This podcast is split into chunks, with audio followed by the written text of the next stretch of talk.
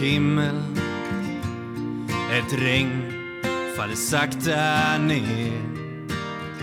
Det får mig att minnas en stad, en stad jag lekte i som barn. Grågrå människor i svarta, så svarta kläder. Men jag min sorglösa dag, ett vackert minne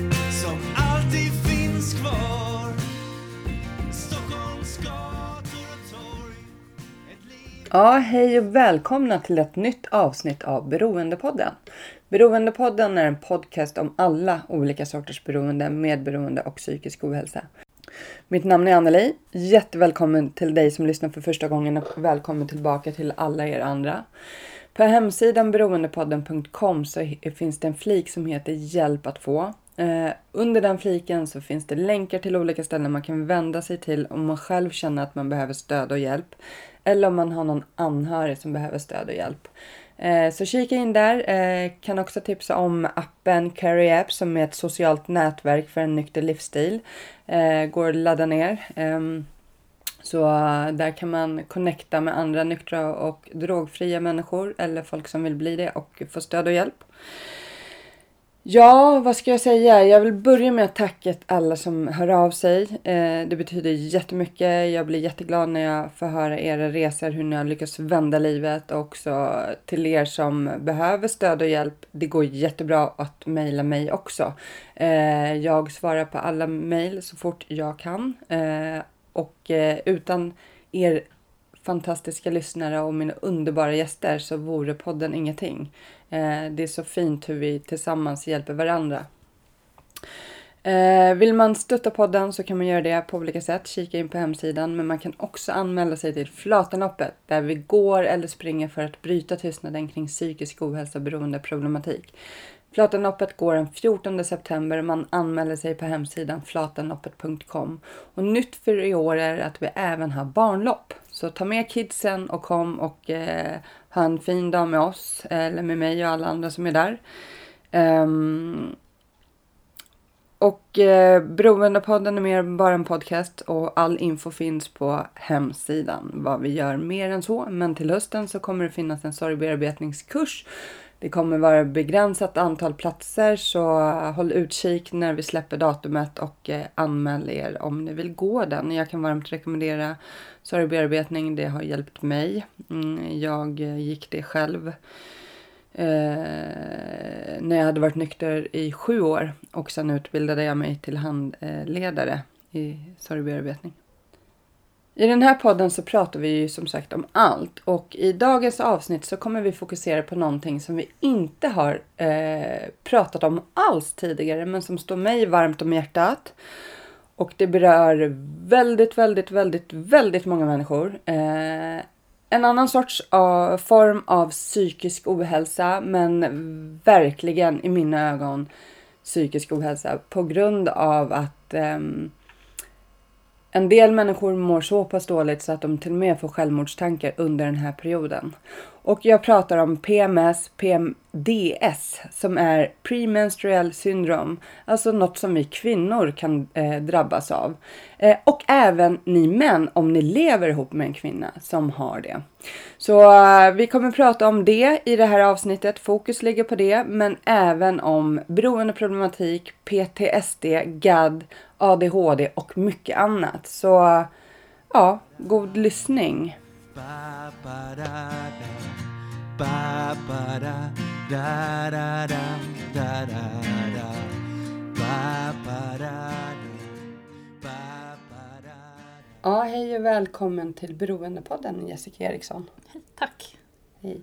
Eh, dagens avsnitt kommer handla om psykisk ohälsa, PMS eh, och beroendeproblematik.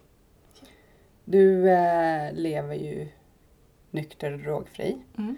Eh, det slutade 2009 men du har haft några återfall sedan dess, Mm. korta, men som du har klivit av direkt. Liksom. Ja. Och vi kom, kommer komma dit. Eh, för att eh, det var ju så att jag hittade dig på Facebook. Mm. Eh, jag får ju ofta väldigt mycket mail av folk som skriva och vill dela med sig av sina historier. Eh, och det är superbra. Men sen finns det någonting som jag brinner väldigt mycket för som vi inte haft något avsnitt alls om i podden. Men som verkligen är psykisk ohälsa i mina ögon. Och det är ju kvinnor som lever med PMS och PMDS. Eh, och då skrev jag ju i en grupp som jag är med i på Facebook eh, som heter Vi som lever med PMS tror jag. Mm. Ja. Eh, och sa att jag söker kvinnor som, jag, som vill vara med i podden och dela med sig av sina historier hur det är att leva med just PMS och PMDS. Eh, och jag fick ju rätt så många mejl faktiskt eh, som, av kvinnor som ville dela med sig och dels så var du en av dem. Ehm, och då kan man ju tänka så här, det är ju många som lyssnar på podden nu som inte ens vet vad PMS är. Mm. Men det är ju som sagt vi kvinnofolk som eh, råkar ut för det. Och eh, det infaller ungefär när ägglossningen startar fram tills det att mensen kommer igång. Mm. Eh, man har ju ofta fått höra så här, kvinnor som är lite griniga, sura, så eh, säger folk så här, har du PMS eller? Mm. Så, ja. eh, och så tror eller har mens. Så. Eh, men det är ju däremellan när ägglossningen drar igång och fram tills mensen kommer. Och då när mensen kommer så brukar det gå över. Mm. Vissa kan ju må lite dåligt första dagarna på mensen också. Eh, så det där är olika. Och, och det som händer i kroppen det är ju hormonellt. Eh, och eh, att det är, man skulle kunna säga att vi har en allergi mot eh, gulkroppshormonet om jag har Mm. förstått det hela rätt. Liksom. Ehm, och jag har ju själv jättekraftig PMS, eh, troligen en av de värsta graderna man kan ha. Man kan ju ha olika grader. Och det där är ju olika från månad till månad men oftast så mår jag ju väldigt dåligt när det här infaller. Men för mig är det, det är ungefär en vecka, eh, ibland fem dagar, ibland tre dagar. Men det Mm. pikar precis dagen innan eh, jag får min mens. Och eh, det är som att ha en depression för mig. Eh, utmattning. Jag, jag brukar säga, jag, har- sista tiden så har jag googlat på olika så här, eh, tester på nätet. Det ska man inte göra nej. när man har PMS. Jag bara stress, utmattningssyndrom, allt det där Mm. googlar jag på. Och jag har ju liksom topp på allt liksom. För det är så det känns när, Mm. för mig. Och nu kommer inte dagens avsnitt handla om mig men jag bara drar lite så här för de som lyssnar. Eh, och jag, jag har fått eh, liksom anpassa i princip hela mitt liv efter den här hormonella eh, kaoset. Alltså hormonella ångesten som uppstår. Mm. Eh, så. Vissa månader är lite bättre men vissa månader är det helt svart. Mm. Så jag inte förstår vad som händer. Och eh, jag har pratat med min mamma lite om det här med PMS och hon har ju förstått idag, hon är ju 65 eller vad hon är, att hon har, har ju också haft det här men hon har ju inte fattat det tidigare. Men för henne gick det så långt så att hon liksom ringde psykakuten och hade mörka, mörka tankar att hon inte ville leva. Och det här fick jag veta bara för någon månad sedan. Mm.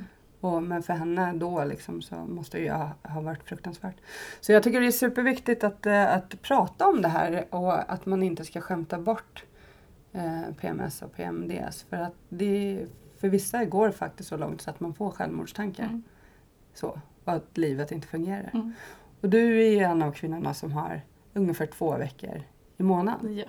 Det är ju fruktansvärt. Ja, det är, det är riktigt hemskt faktiskt. Och jag tänker just också på det här som du berättade om din mamma. Mm. Att, eh, att ni har börjat prata om det först nu. Mm. Och det tror jag är ett av de stora problemen. Att vi inte pratar med våra döttrar och eh, ja, med varandra om det. Att det har blivit något slags eh, jag vet inte om vi ens kan kalla det för stigmatiserat för vi pratar inte om det överhuvudtaget. Mm. Ehm, för att hade vi vetat om det tidigare så hade vi inte behövt gå och, och tro att allting bara är skit utan anledning. eh, en, liksom en, en del av månaden.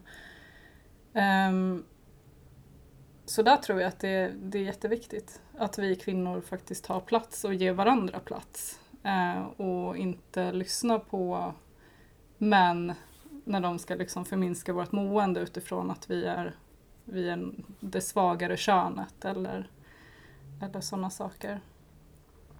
Så det... Ja.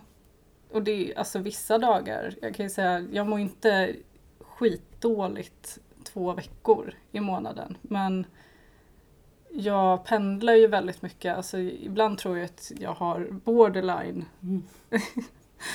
och att, I och med att det svänger så mycket och de värsta dagarna kan det liksom vara att jag tycker ja, men alla människor i mitt liv är skit. Jag vill Mm. inte ha med någon att göra. Eh, Min sambo kan liksom sitta och berätta någonting viktigt för mig som är viktigt för honom. Och jag sitter och himlar med ögonen och liksom uttrycker verkligen med hela min kropp att eh, jag vill inte lyssna på honom. Samtidigt som jag kan se mig själv göra det här och inte kunna göra någonting åt det. Eh, och sen i nästa stund, sitter jag och gråter över några ja, men, gulliga djur på Instagram. Och sen, ja men, eller att jag går till min sambo och tänker att ja men, ska vi ligga? Och sen sätter jag mig i sängen och gråter Mm. innan han ens har fått av sig kläderna och han blir liksom, "Ja, men, vad har jag gjort för fel?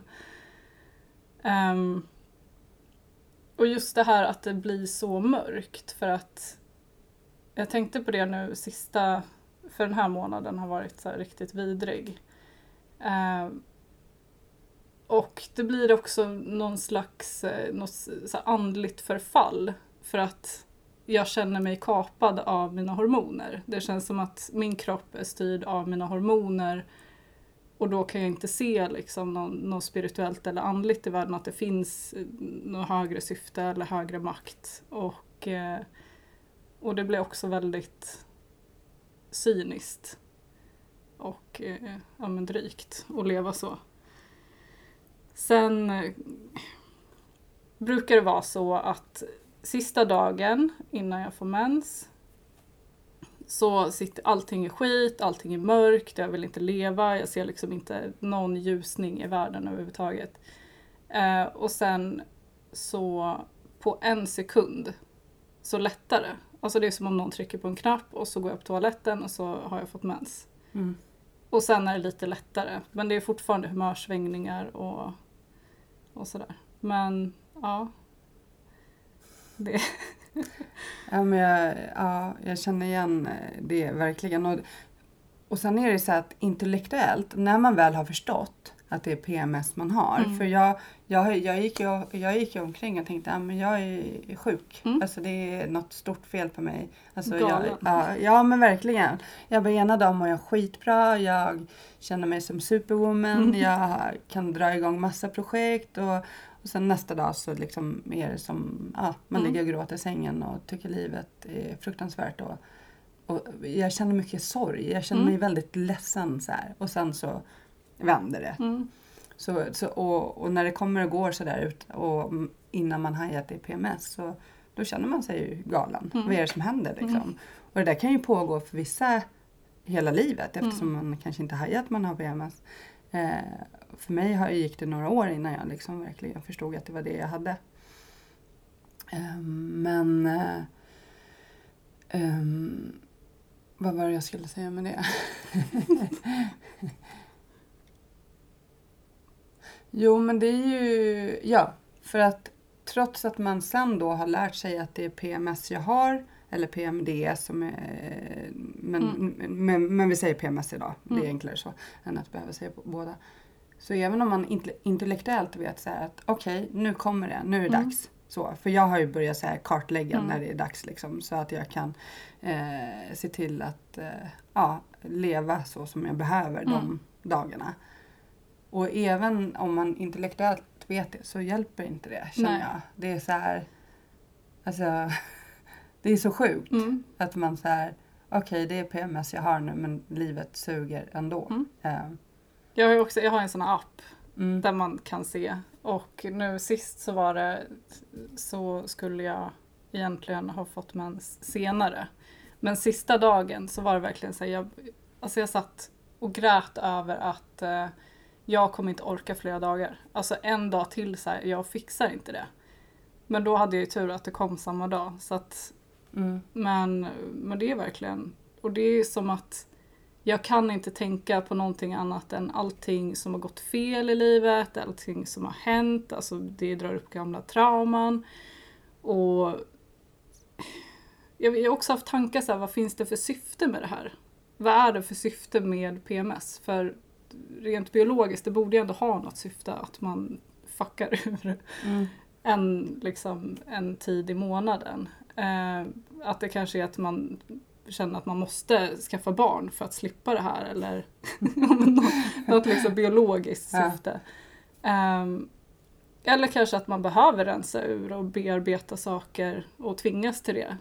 Men, men det är svårt att se de syftena som någonting liksom funktionellt eller accepterat i, när jag väl mår dåligt. Men jag brukar skratta åt det när, när det har gått över. Mm. Ja, för man blir ju helt förändrad Ja. och känner ju troligen inte igen sig själv. Och så när det går över så bara, jaha, nu var det över. Men jag Ja. kan, för mig har det, alltså nu, för att det är ofta så här, PMS, eh, PMS infaller ju ofta runt 30-årsåldern. Eh, eller när man har fått sitt första barn. Mm. Så, så därefter, när, när börjar det för dig? Som du kan Alltså jag började reflektera över det när jag var runt 30. mm. Men jag kan ju se fortfarande tidigare i livet att, att jag faktiskt har haft samma problematik. Mm. Eh, att jag har känt samma saker. Bara det att jag inte haft någon koll på min kropp. Eller mina cykler eller, eller någonting sånt. Så jag tror definitivt att... Sen tänker jag också under tonåren så måste det ha Mm. haft mycket påverkan på måendet och sådär. Och jag har ju alltid tänkt att det är något fel på mig, att jag verkligen är att jag lider av psykisk ohälsa utifrån eh, med andra orsaker, inte att det ska vara mina hormoner som ja, men angriper Mm. mitt psyke. Så det, nej, men det, det kan vara förvirrande också. För att det är liksom vad är vad är det här och, och det är väldigt få som sitter på några svar. Ja, det är, trots att det är så otroligt många människor i världen som eh, har den här problematiken så läggs det ju inga direkta pengar på forskning. Nej. Eller, det finns ju inget botemedel mot Nej. det än. Eh, jag tänker så här, alltså herregud det finns ju hur mycket olika sorters allergier som helst och medicin mot det. Varför Mm. kan man inte hitta något som funkar mot det här? Om det är en allergi mot Mm. det gulkroppshormonet så Mm. borde det ju liksom finnas en lösning tycker jag. Vi har ju hittat Mm. typ problemet så då borde man ju kunna hitta en lösning. Ja Så. men precis. Eh, men, eh, men nej, det finns det inte ännu. Eh, hur... Men däremot så tror jag att många av oss som blir medvetna om att det är det vi har, vi börjar ju kanske leta själva efter olika verktyg för att få vardagen att fungera. Liksom. Ehm, och min... Eh, jag vill ju isolera mig. Mm. Så. Fast det är egentligen det dummaste man kan Mm. göra. Så här, för att då ligger man ju där i soffan och kanske trycker i sig godis och Mm. gråter och tycker... Ja, att alltså det är som att ha en djup depression liksom. Ja. Och Eh. sen kan jag uppleva också att jag söker efter anledningar att må ännu sämre. Som att jag isolerar mig samtidigt som jag sitter och tittar på sociala medier hur alla andra människor umgås, för det är det jag väljer att se. Mm. Och mår skitdåligt över att ingen vill umgås med mig. Fast jag har inte liksom engagerat mig i att, att skapa något umgänge. Eller kanske till och med tacka- tackat nej till sociala aktiviteter. Så det Mm. är... Men vad har du för liksom under den här perioden, hur tänker du, hur lägger du upp livet? Har du någon så här ehm, några verktyg eller liksom ja, jag, jag vet ju att en del tänker mycket på kosten, Mm. eh, försöker träna. Och där är också så här balansen att du ska träna, du ska röra på dig, men du ska inte köra för högintensivt. Mm. För det mår vi inte bra av under den här perioden. Eh, man ska äta men kanske inte så mycket kolhydrater. Det, det är folk som testar sig fram Mm. liksom, och beskriver vad som funkar och så. Har, och, eh, som jag, jag planerar ju in att försöka göra bra saker, träffa folk som jag känner mig bekväm med. Mm. Eh, som man inte behöver... Ja men så här, inte sånt som är för kravfyllt liksom. Mm. Men fortfarande att göra saker, att inte isolera mig som jag gärna gö- Mm. gör. så vad, hur gör du under den här perioden? Har du... Alltså jag brukar alltid rådge andra att men så här, planera in, precis som du säger, att göra saker som du mår bra av som inte är kravfyllda eh, under den här tiden. Eh, och ta det mer kravfyllda. Man kan nästan förvänta sig att kanske bli misslyckanden och, och sådana saker. Och att man, för att man blir väldigt självkritisk under den här PMS-perioden. Eh, men jag är väldigt dålig på att följa det här själv. Men i efterhand så är det så här, ja men typ titta på film, serier, sova mycket, umgås med människor som, som förstår, alltså som man kan prata öppet om det här med. Um, ibland går det inte att planera in så. Jag åkte på en konferens eh, när jag hade ja, men, min värsta PMS-period. Och då satt vi och kollade på filmer och hade någon slags utbildning om, eh, om barn och trauma. Och jag satt liksom och hulkgrät Mm. mitt under den här eh, konferensen framför alla. Alltså det kändes jätteoprofessionellt. Men det var samtidigt så sa jag det, bara alltså jag har PMS. Det... Mm. Men just det här äh, att äh, ja, men det är svårt också att anpassa. Jag önskar att man kunde anpassa livet mer efter en själv än vad det går att göra. Ehm, jag har ju en ADHD-diagnos också och mediciner funkade inte överhuvudtaget för mig.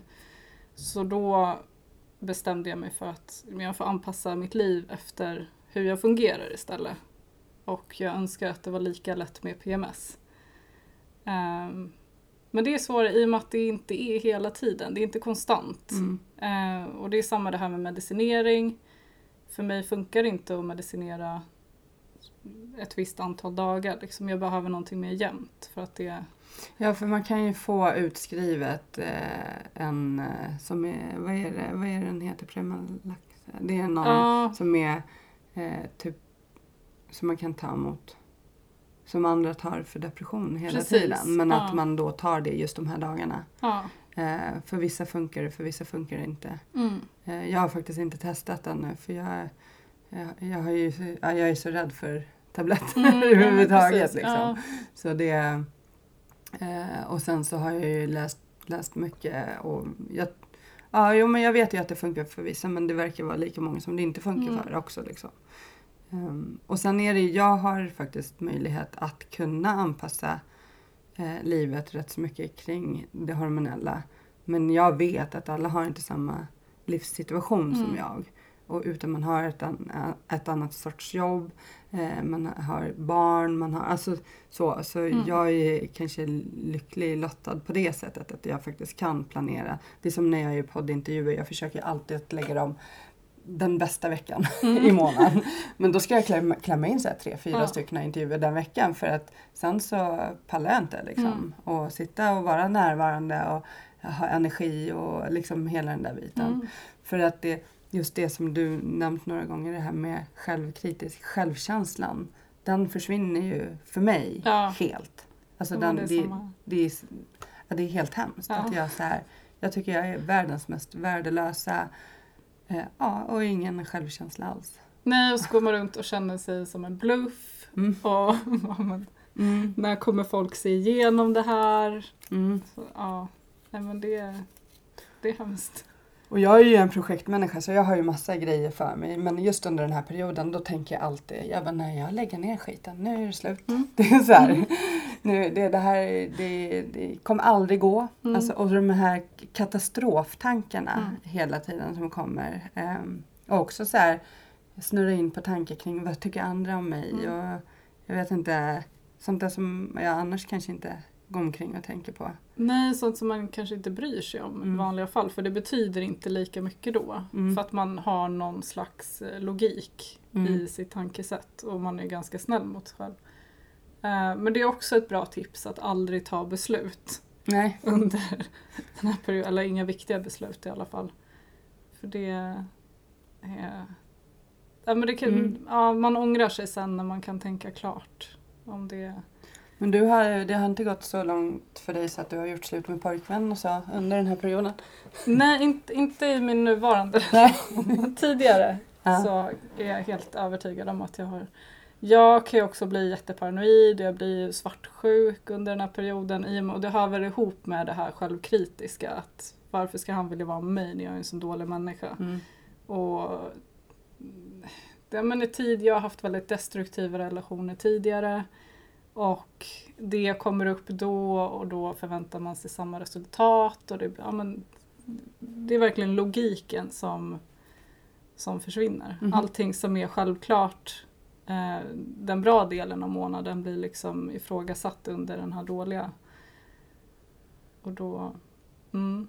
Men eh, ha, liksom, pratar du och han mycket om? Mm. Mm. Jättemycket. Så jag kan ju säga till honom, jag bara, men jag, jag bara, det är PMS. Mm. Alltså jag mår skitdåligt nu men det är PMS. Jag är helt övertygad om att det är hormoner.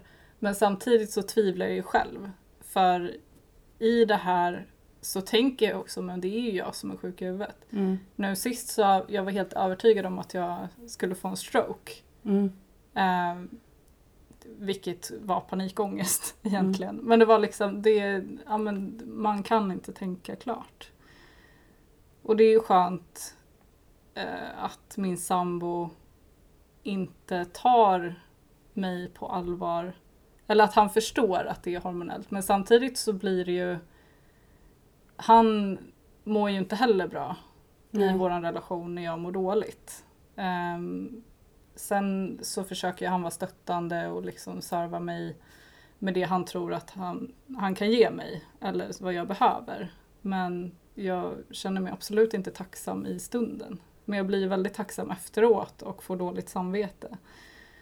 Ehm, så det är ju det är också den här balansgången i hur mycket kan jag lägga ut på min omgivning innan jag tar tag i det ordentligt. Som det här med medicinering eller så det Mm. blir också en balansgång i hur... Mm. För jag hade, och jag hade en tidigare relation, jag lever i en relation idag som vi pratar jättemycket om det här. Nu är han, vi, han bor inte i Stockholm så vi träffas inte hela tiden och än så länge så lyckas min PMS infalla när han inte är här. På gott, ja, på gott och ont. Alltså Ja. jag blir så åh jag vill ju bara att någon ska sitta och hålla om mig och tycka synd om mig. Samtidigt så vet jag att skulle han vara här då kanske jag skulle få så onda tankar om honom istället. Mm, mm. Som man kan få. Eh, och det här är, ja, det är, liksom, det är världens finaste kille jag har så det finns inget att tycka Mm. illa om. Men när man har PMS så styr man ju inte Mm. över sina tankar. Nej. Men jag hade en tidigare relation och, jag min, och då visste jag inte att jag hade PMS. Men varje månad så i skallen så tänkte jag göra slut. Mm. Jag bara, nej men den där, honom ska jag göra slut med. Men sen gick det över. Som tur var gjorde jag inte slut Mm. så. Men, eh, men sen gick det över. Så bara, men varför tänkte jag att jag skulle göra slut med honom? För jag, jag visste inte att det var Mm. det jag hade då. Liksom. Men, och så kom det efter några veckor igen. Nej men honom ska jag göra slut Mm. med. Så hade jag en kort relation som jag faktiskt gjorde slut då på PMS. Eh, perioden och sen så ångrade jag ju mig när det gick Mm. över. Och sen så typ gjorde jag slut på riktigt någon Mm. månad senare och då minns jag att han sa så här, nej men du har bara PMS, vi, vi fortsätter med det tillsammans. jag bara, nej men fast nu har jag faktiskt inte PMS, nu är det slut. Så, så där, ja men man, det är lite komiskt ändå. Men, eh, ja, men det, det är ja, det är jobbigt att leva med det. Vad har du, för att man kan ju få det är så mycket jag skulle, jag har så många frågor också och, eh, just med din bakgrund och så men vi ska komma dit sen också. Men eh, eh, för att många kan ju få diagnos utmattningsdepression Mm. eller depression, ångest och så. Men så är det ju PMS de Mm. har liksom. Det är jättevanligt vad jag förstår som när jag läser om det. Ehm, och som sagt, jag har ju det varje månad. Jag börjar utmattad. För jag Mm. har ju visserligen en, en gammal utmattningsdepression eh, i ryggsäcken. Så Mm. det är ju lätt för mig att tro att det är så. Men det är, det är liksom under den här perioden när jag går, eh, här, gör de här testerna, då har jag allt. Mm. Så Ja. verkligen. Men eh, för att eh, det man kan känna det är ju liksom hor- hormon, eh, humörsvängningar, eh, väldigt mycket trötthet, oro, ångest. Eh, ja, en del har ju som sagt självmordstankar, eh, och katastroftankar, självkänslan försvinner helt. Eh, sorg, ledsen. Men sen så finns det ju också så här fysiska symptom som man kan ha. Mm. Som smärtor i kroppen. Man kan ju få liksom feberkänningar dagarna innan. Mm. Att man nästan känner som man har influensa. Mm. Liknande sådär. Det brukar jag få liksom. Jag Mm. bara, ah, nu är jag sjuk igen. En gång i månaden. ha- har du också sådana, vad har du för symptom liksom som du kommer på nu? Som jag kommer på nu. Ehm, nej men jag kan få ont i kroppen. Mm. Alltså att jag får värk i kroppen. Jag kan få, jag ser sämre. Mm. Alltså så att jag får mer liksom dimsyn, eh, ont i huvudet. Ja, migrän Mm. skulle jag nog säga. För det är liksom, det är otrolig smärta i huvudet och det kan liksom hänga i hela dagen eh, i varierande. Och sen, så det... Ja men det är väl mest det. Och sen är det de här andra liksom premenstruella symptomen. Att man samlar på sig vätska och man, jag vet inte, jag känner mig skitful också. Ja, Varenda. jag gör med.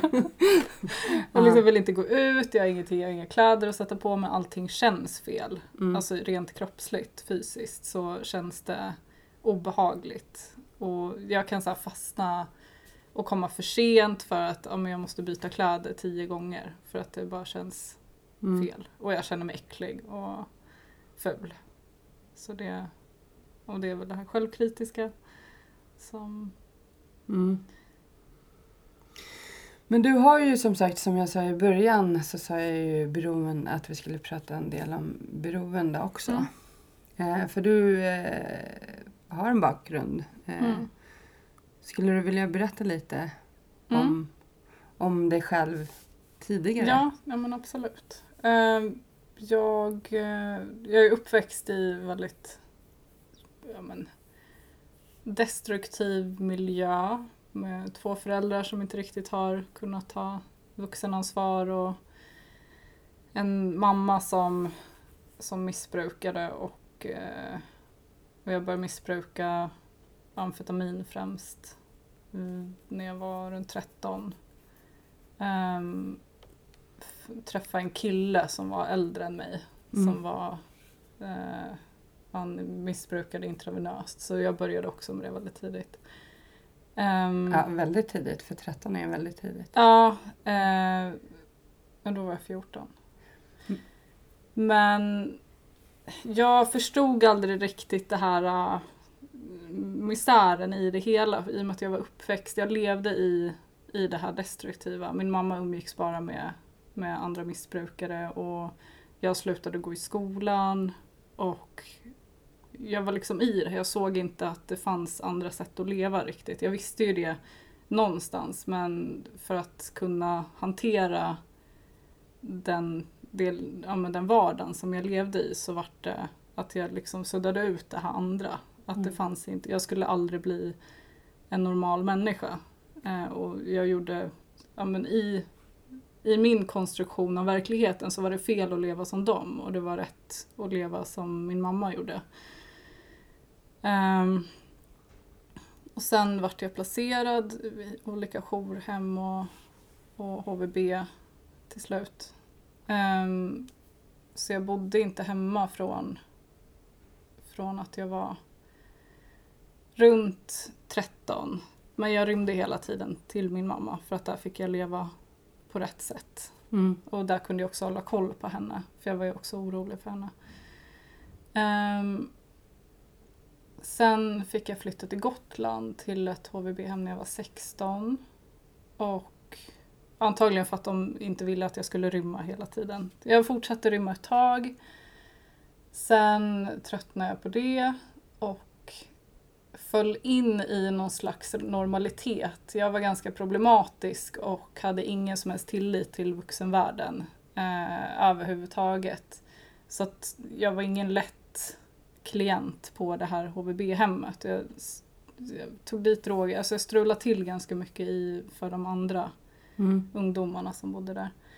Eh, så att jag fick flytta till en egen lägenhet inne i Visby när jag var 17.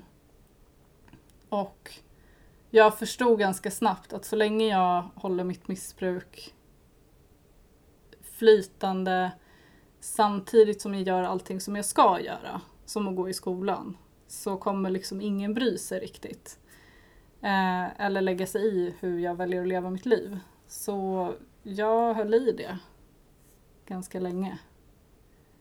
Och då började jag också gå över till opiater och väldigt mycket alkohol.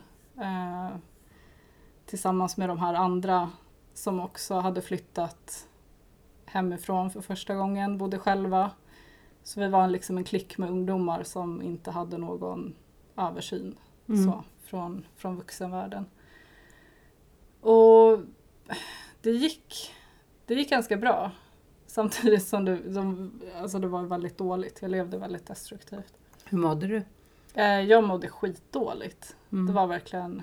Eh, I efterhand så här så kan jag se att jag var väldigt ensam. Jag eh, missbrukade för att täcka över den ensamheten samtidigt som jag missbrukade i ett destruktivt syfte. För att det var ju där jag hörde hemma liksom. Eh, så det blev en, men, trygghet. Ehm, sen, jag fick ju hepatit, både B och C, då när jag var 14 av min första pojkvän. Ehm, och jag började en inte från behandling mot det här sista året på gymnasiet, eller egentligen sista terminen. Mm. Väldigt dum tidpunkt, speciellt när jag inte hade liksom ett nätverk av människor runt omkring som var stabilt. Så då var jag tvungen att, eh, i min värld var jag tvungen att börja typ mm, små dosera amfetamin för att kunna eh, klara av det här och gå i skolan. Och jag hade även ett jobb som croupier, som jag jobbade nätter. Och den här behandlingen som var väldigt jobbig. För det, alltså, den behandlingen, man mår väl väldigt fysiskt dåligt av Ja, jag mådde extremt. Mm. Jag fick ju anemi också så jag var tvungen att ta sprutor för att återbilda blod. Mm. Eh, jag vet inte röda eller vita blodkroppar. Men jag mådde, jag mådde jättedåligt. Mm. Eh, och sen... Ja, men jag, det var, jag kunde inte dricka alkohol. Vilket jag hade... Jag hade övergått från opiaterna till... För det var inte riktigt socialt accepterat bland mina nya vänner. Eh, så att de drack mer. Och då vart det att jag drack mer. Kunde inte dricka när jag gjorde inte från behandlingen.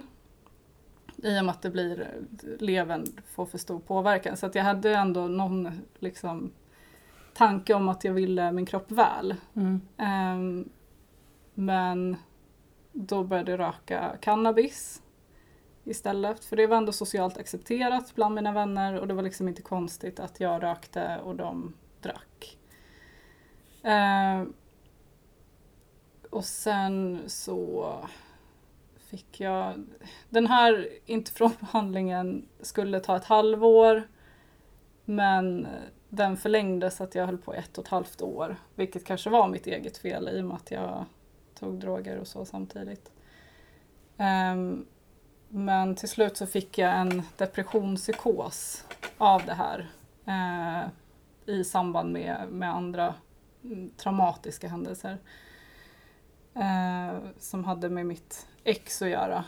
Och, uh, och då i den här psykosen så kom obearbetade trauman från övergrepp och sådär upp från min barndom. Och jag insåg på något sätt att jag hade vänt upp och ner på, på verkligheten som ja, men när jag var 13. Eller kanske tidigare. Och att hela mitt liv, det som jag såg som bra egentligen var destruktivt. Och efter det så har jag liksom inte kunnat se eller romantisera droger eh, eller missbruk på, på samma sätt som då. Så det var en vändpunkt för, för att jag ville förändra mitt liv på riktigt.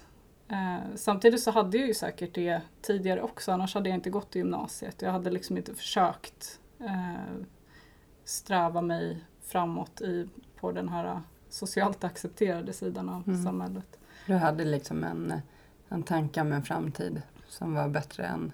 Ja, jag måste ju ha haft det i och med att Mm. annars hade jag ju aldrig genomfört de här eh, jobbiga grejerna. För det var ju inte lätt eh, utan stöd liksom runt omkring. Du har ju även eh, ADHD, Mm. PTSD och GAD. Mm. Och beroendeproblematik och PMS. Ja, Livet är lätt. ja. Så, ehm, Men hur gammal var du när du fick din ADHD-diagnos? Eh, det var, vad var jag då? 24 Mm. tror jag. Det var min dotters pappa gjorde en ADHD-utredning. Och under den här tiden, för jag liksom läste in mig väldigt mycket på ADHD och jag var ju med under den här processen när, när han gjorde sin utredning. Så kände jag igen mig väldigt mycket i, i, ja men, i Mm. hans diagnos. Så. Eh, så då tog jag själv kontakt med, eh, med psykiatrin och, och liksom frågade. Och så jag fick också genomgå en utredning där de kom fram till att, att jag hade ADHD.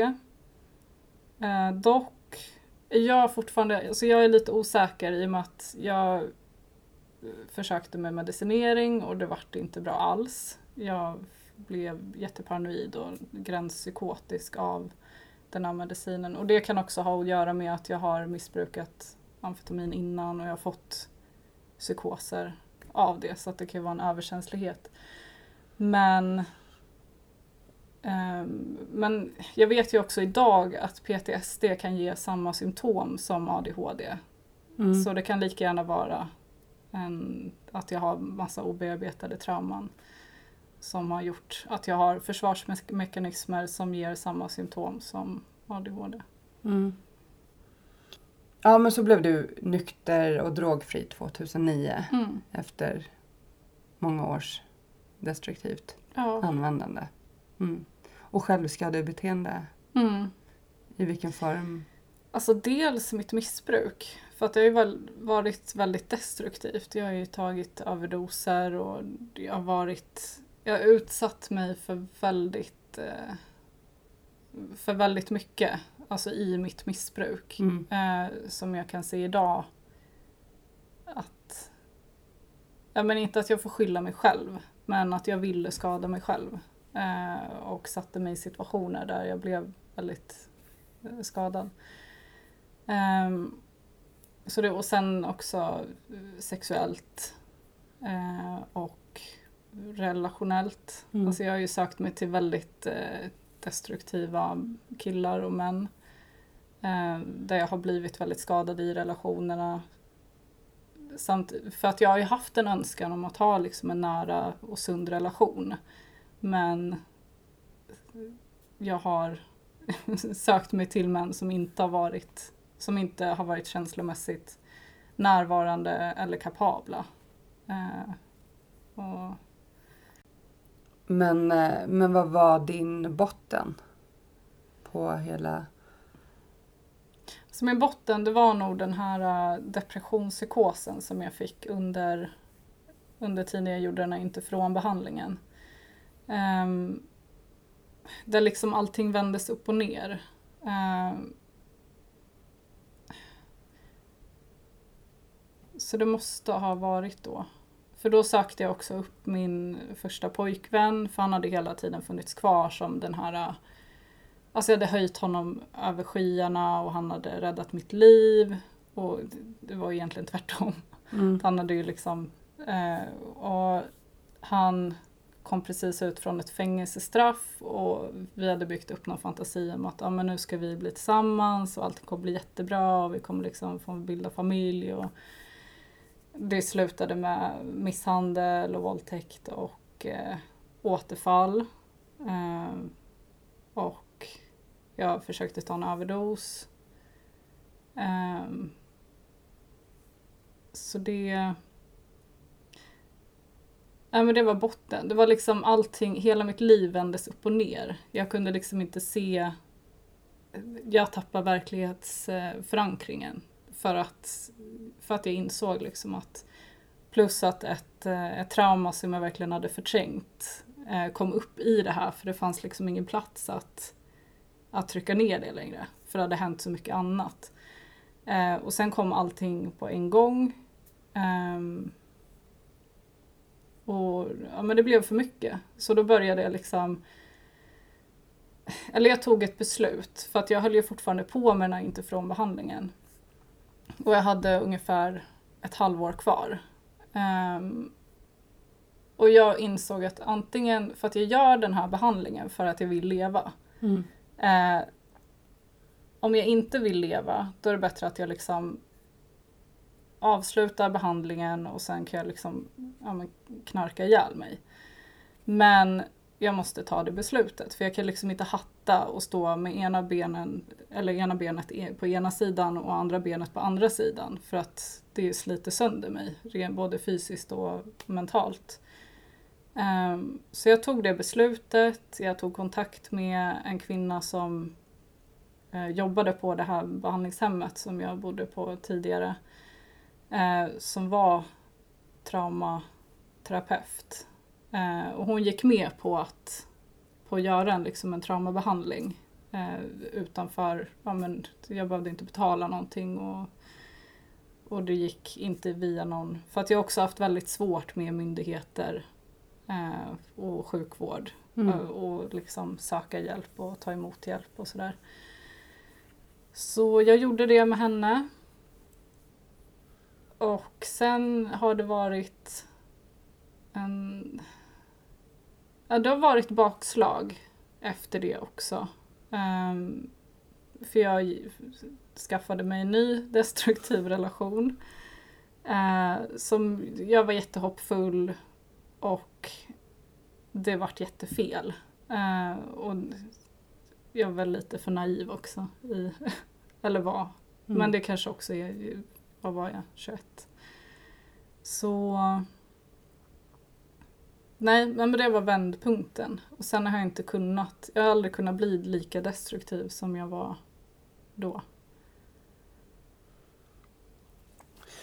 Mm, för sen slutade du eh, använda i alla fall.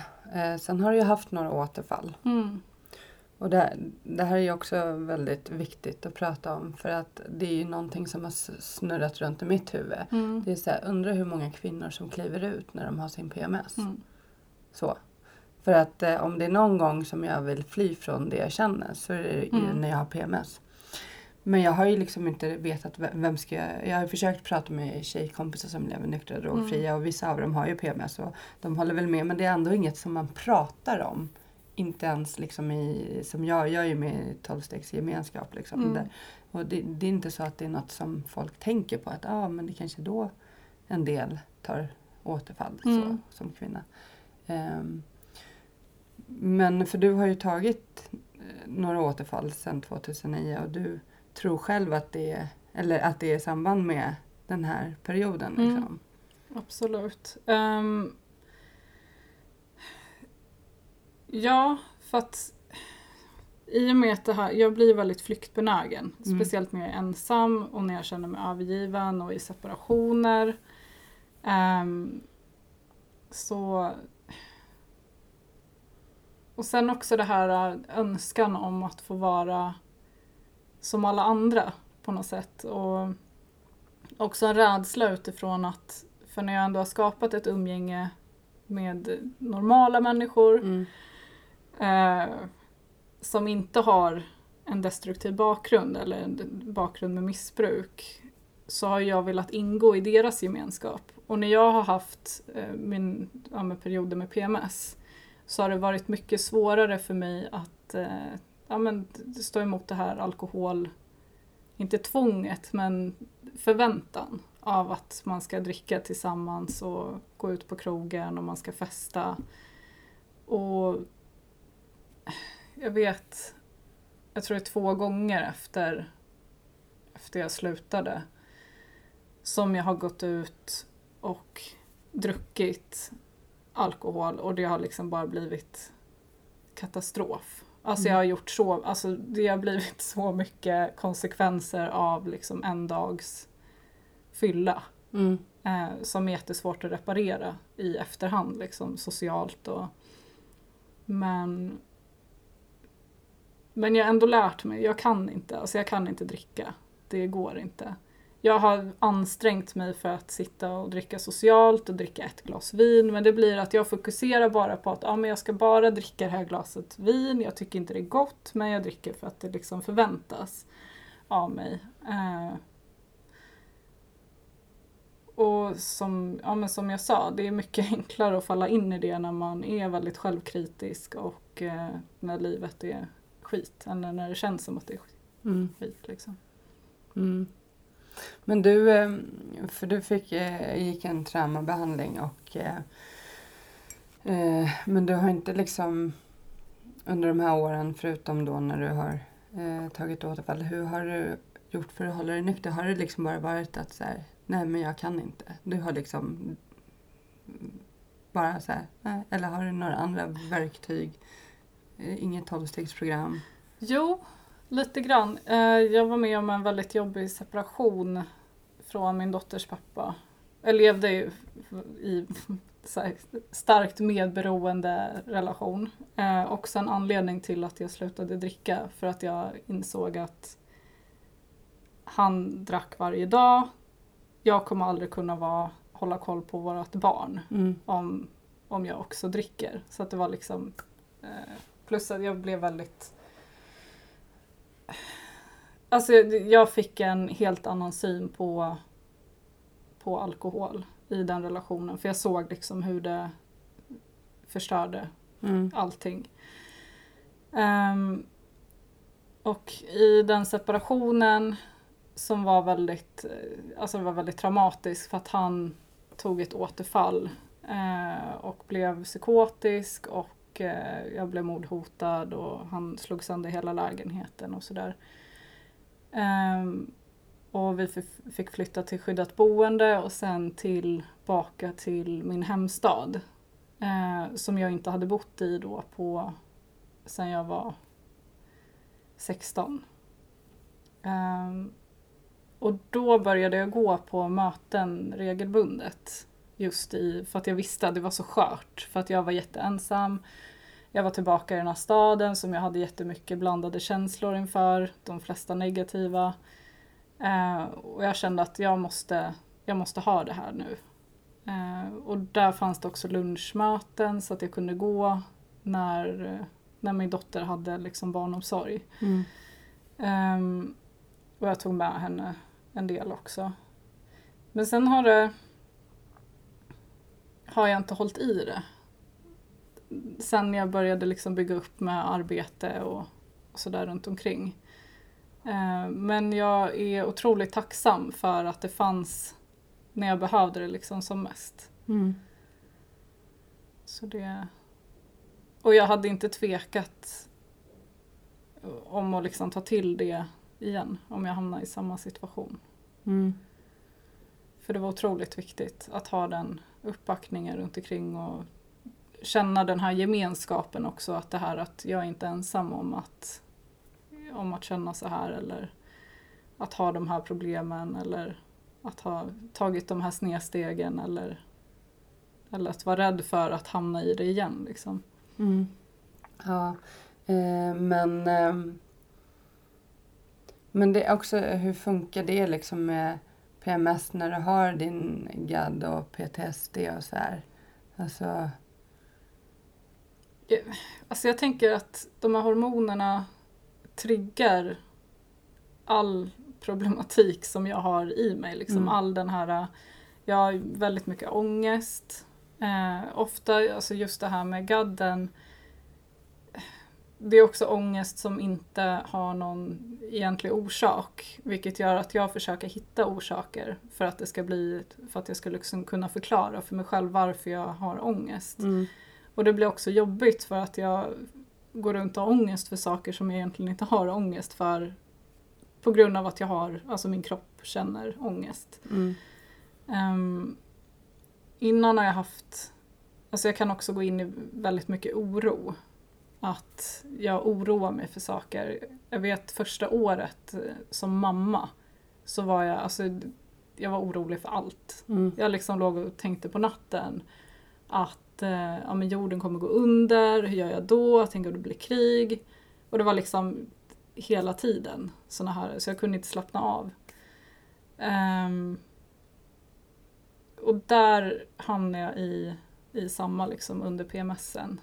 Så det förvärrar ju. Och Mm. samma det här med ADHD, jag har ingen koncentrationsförmåga överhuvudtaget när det är som värst.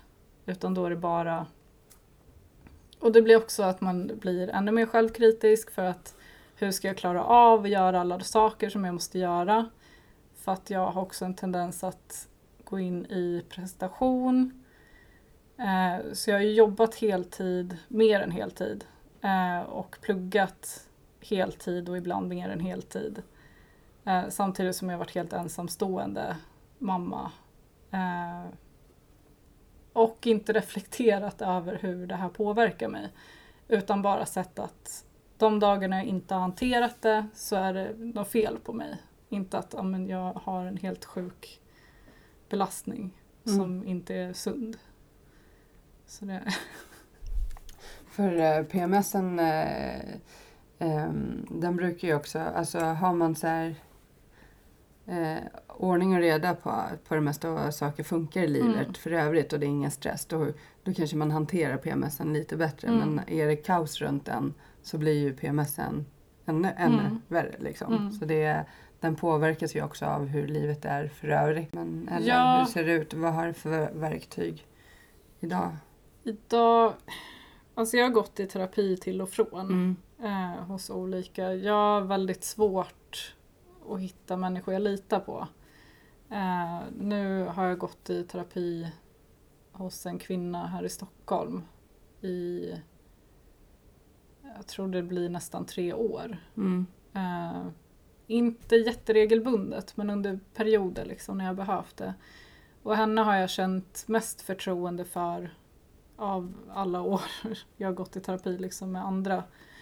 Eh, så då har gjort större framsteg. Men mycket har ju handlat också om att jag vet vad jag vill jobba med. För att det är. Jag har ju också gått till eh, terapeuter med förväntan om att de ska hitta det här som är fel i mig och liksom rätta till det. Mm. Men det kommer ju aldrig ske. Utan Mm. det är ju jag som måste göra jobbet och sen är de ett verktyg för, för mig att kunna göra det och liksom komma vidare. Så det... Och sen också har jag använt mig av parterapi för att kunna hantera en, eller min relation. För, och det har varit jättenödvändigt för att Mm. jag kommer, jag har liksom inga, inget facit för hur en sund relation ska se ut. Mm. Eh, och min partner har inte heller riktigt det. Så, så det har varit fullt nödvändigt för att hitta strategier för hur man hanterar konflikter och, och sådär.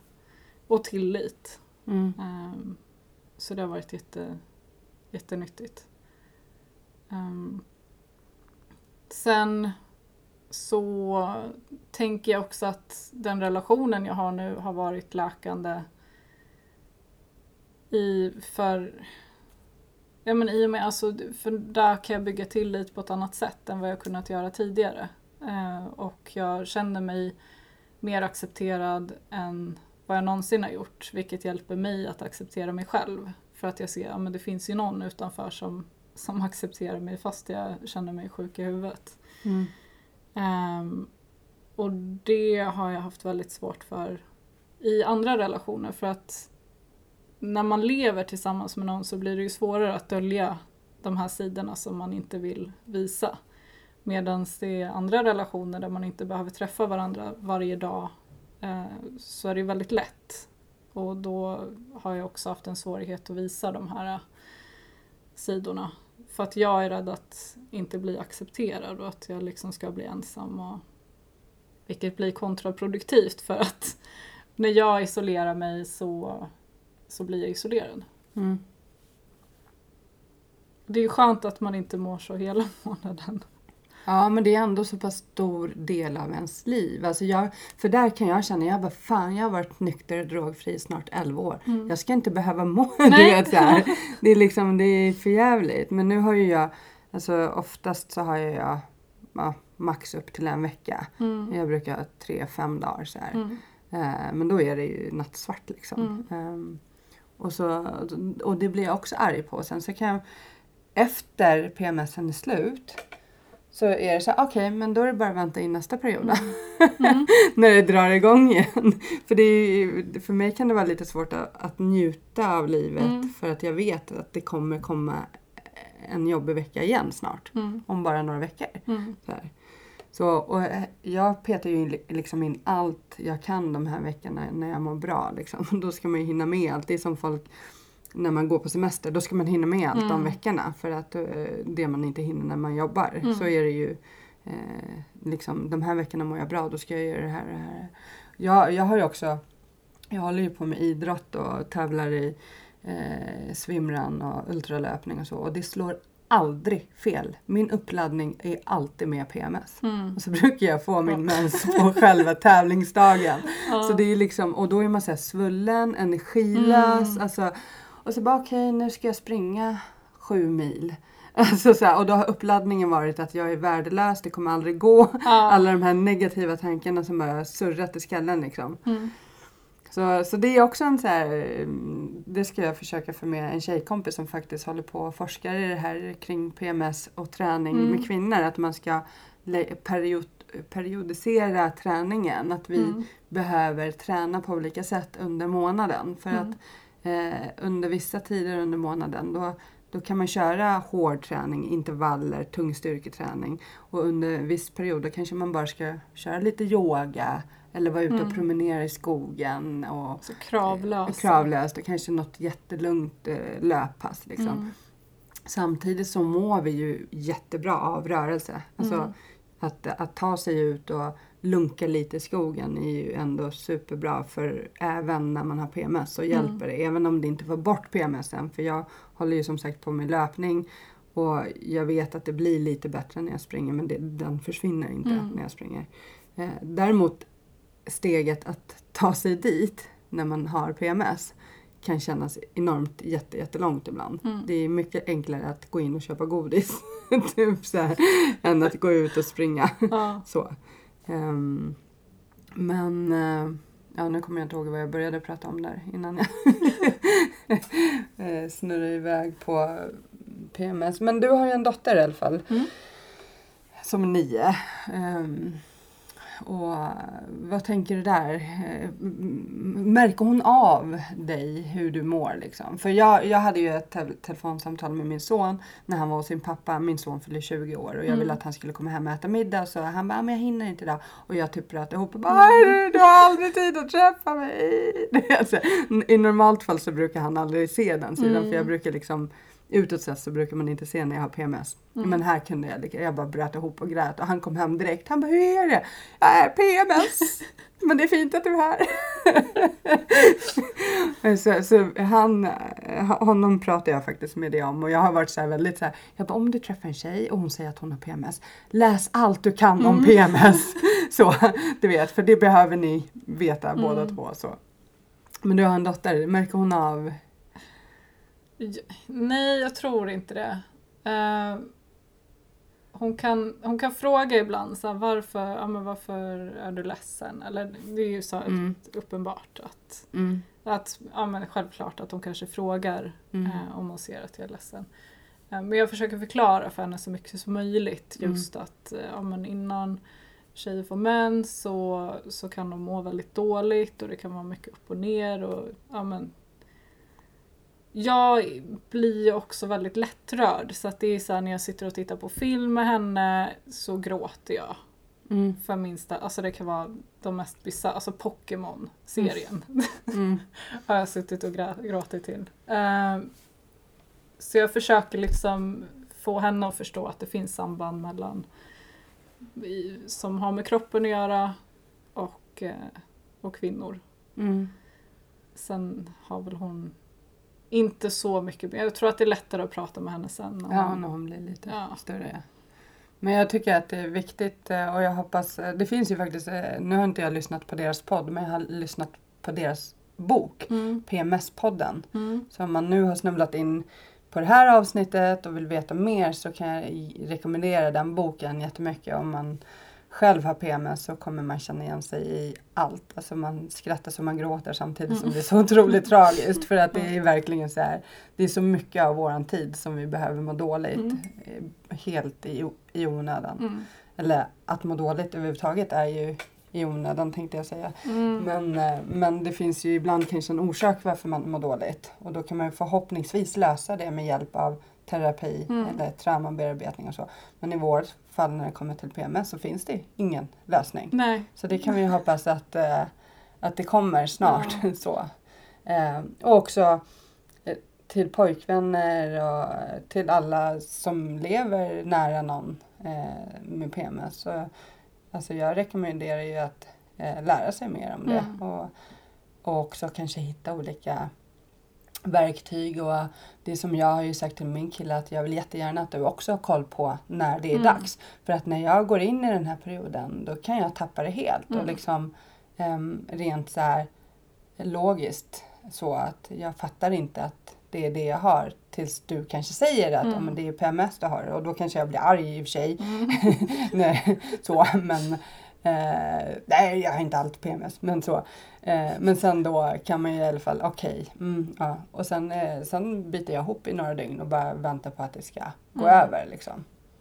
Så. Vad skulle du, ja, har du någonting du tänker just kring, eh, det finns ju som sagt jättemycket man skulle kunna prata med dig om. Eh, och jag är jätteglad att du är här och delar med dig av din historia. Ehm, och, men jag tänker, eh, är det några tankar och tips kring PMS-biten som du skulle vilja ge innan vi avslutar? Ja, men det är väl det här att inte ställa några höga krav på sig själv. Och sen vara snäll mot sig själv framför allt. Mm. Eh, för det behöver vi. Och sen också att till de som, som inte har PMS eh, och som ska liksom kanske stötta de som har PMS eh, och försöka vara stöttande och liksom försöka förstå utan att ställa krav på, på personen just då. Så det är klart att man, man ska inte acceptera att bli illa behandlad. Men det kanske är bättre att ta upp sådana saker efter PMS än innan.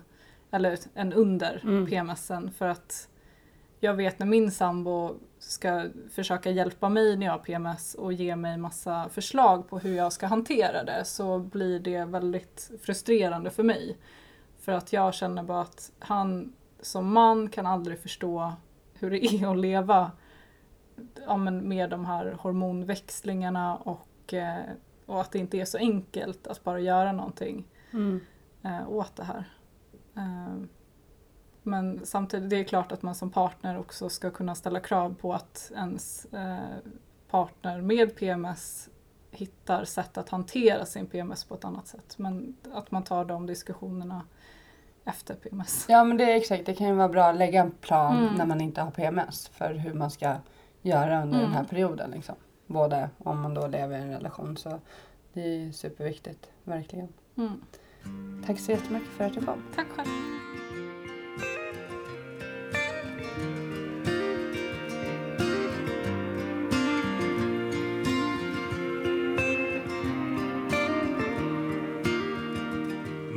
Mörk himmel. Ett regn faller sakta ner. Det får mig att minnas en stad En stad jag lekte i som barn. Grågrå människor i svarta, så svarta kläder. Men jag minns sorglösa dag Ett vackert minne som alltid finns kvar Stockholms gator och torg Ett liv så långt ifrån sorg ba, ba, da, da. Ba, ba, da, da. Ba, ba, da, da, da, da, da, da, da. Ba, ba, da, da. Ba, ba, da, da.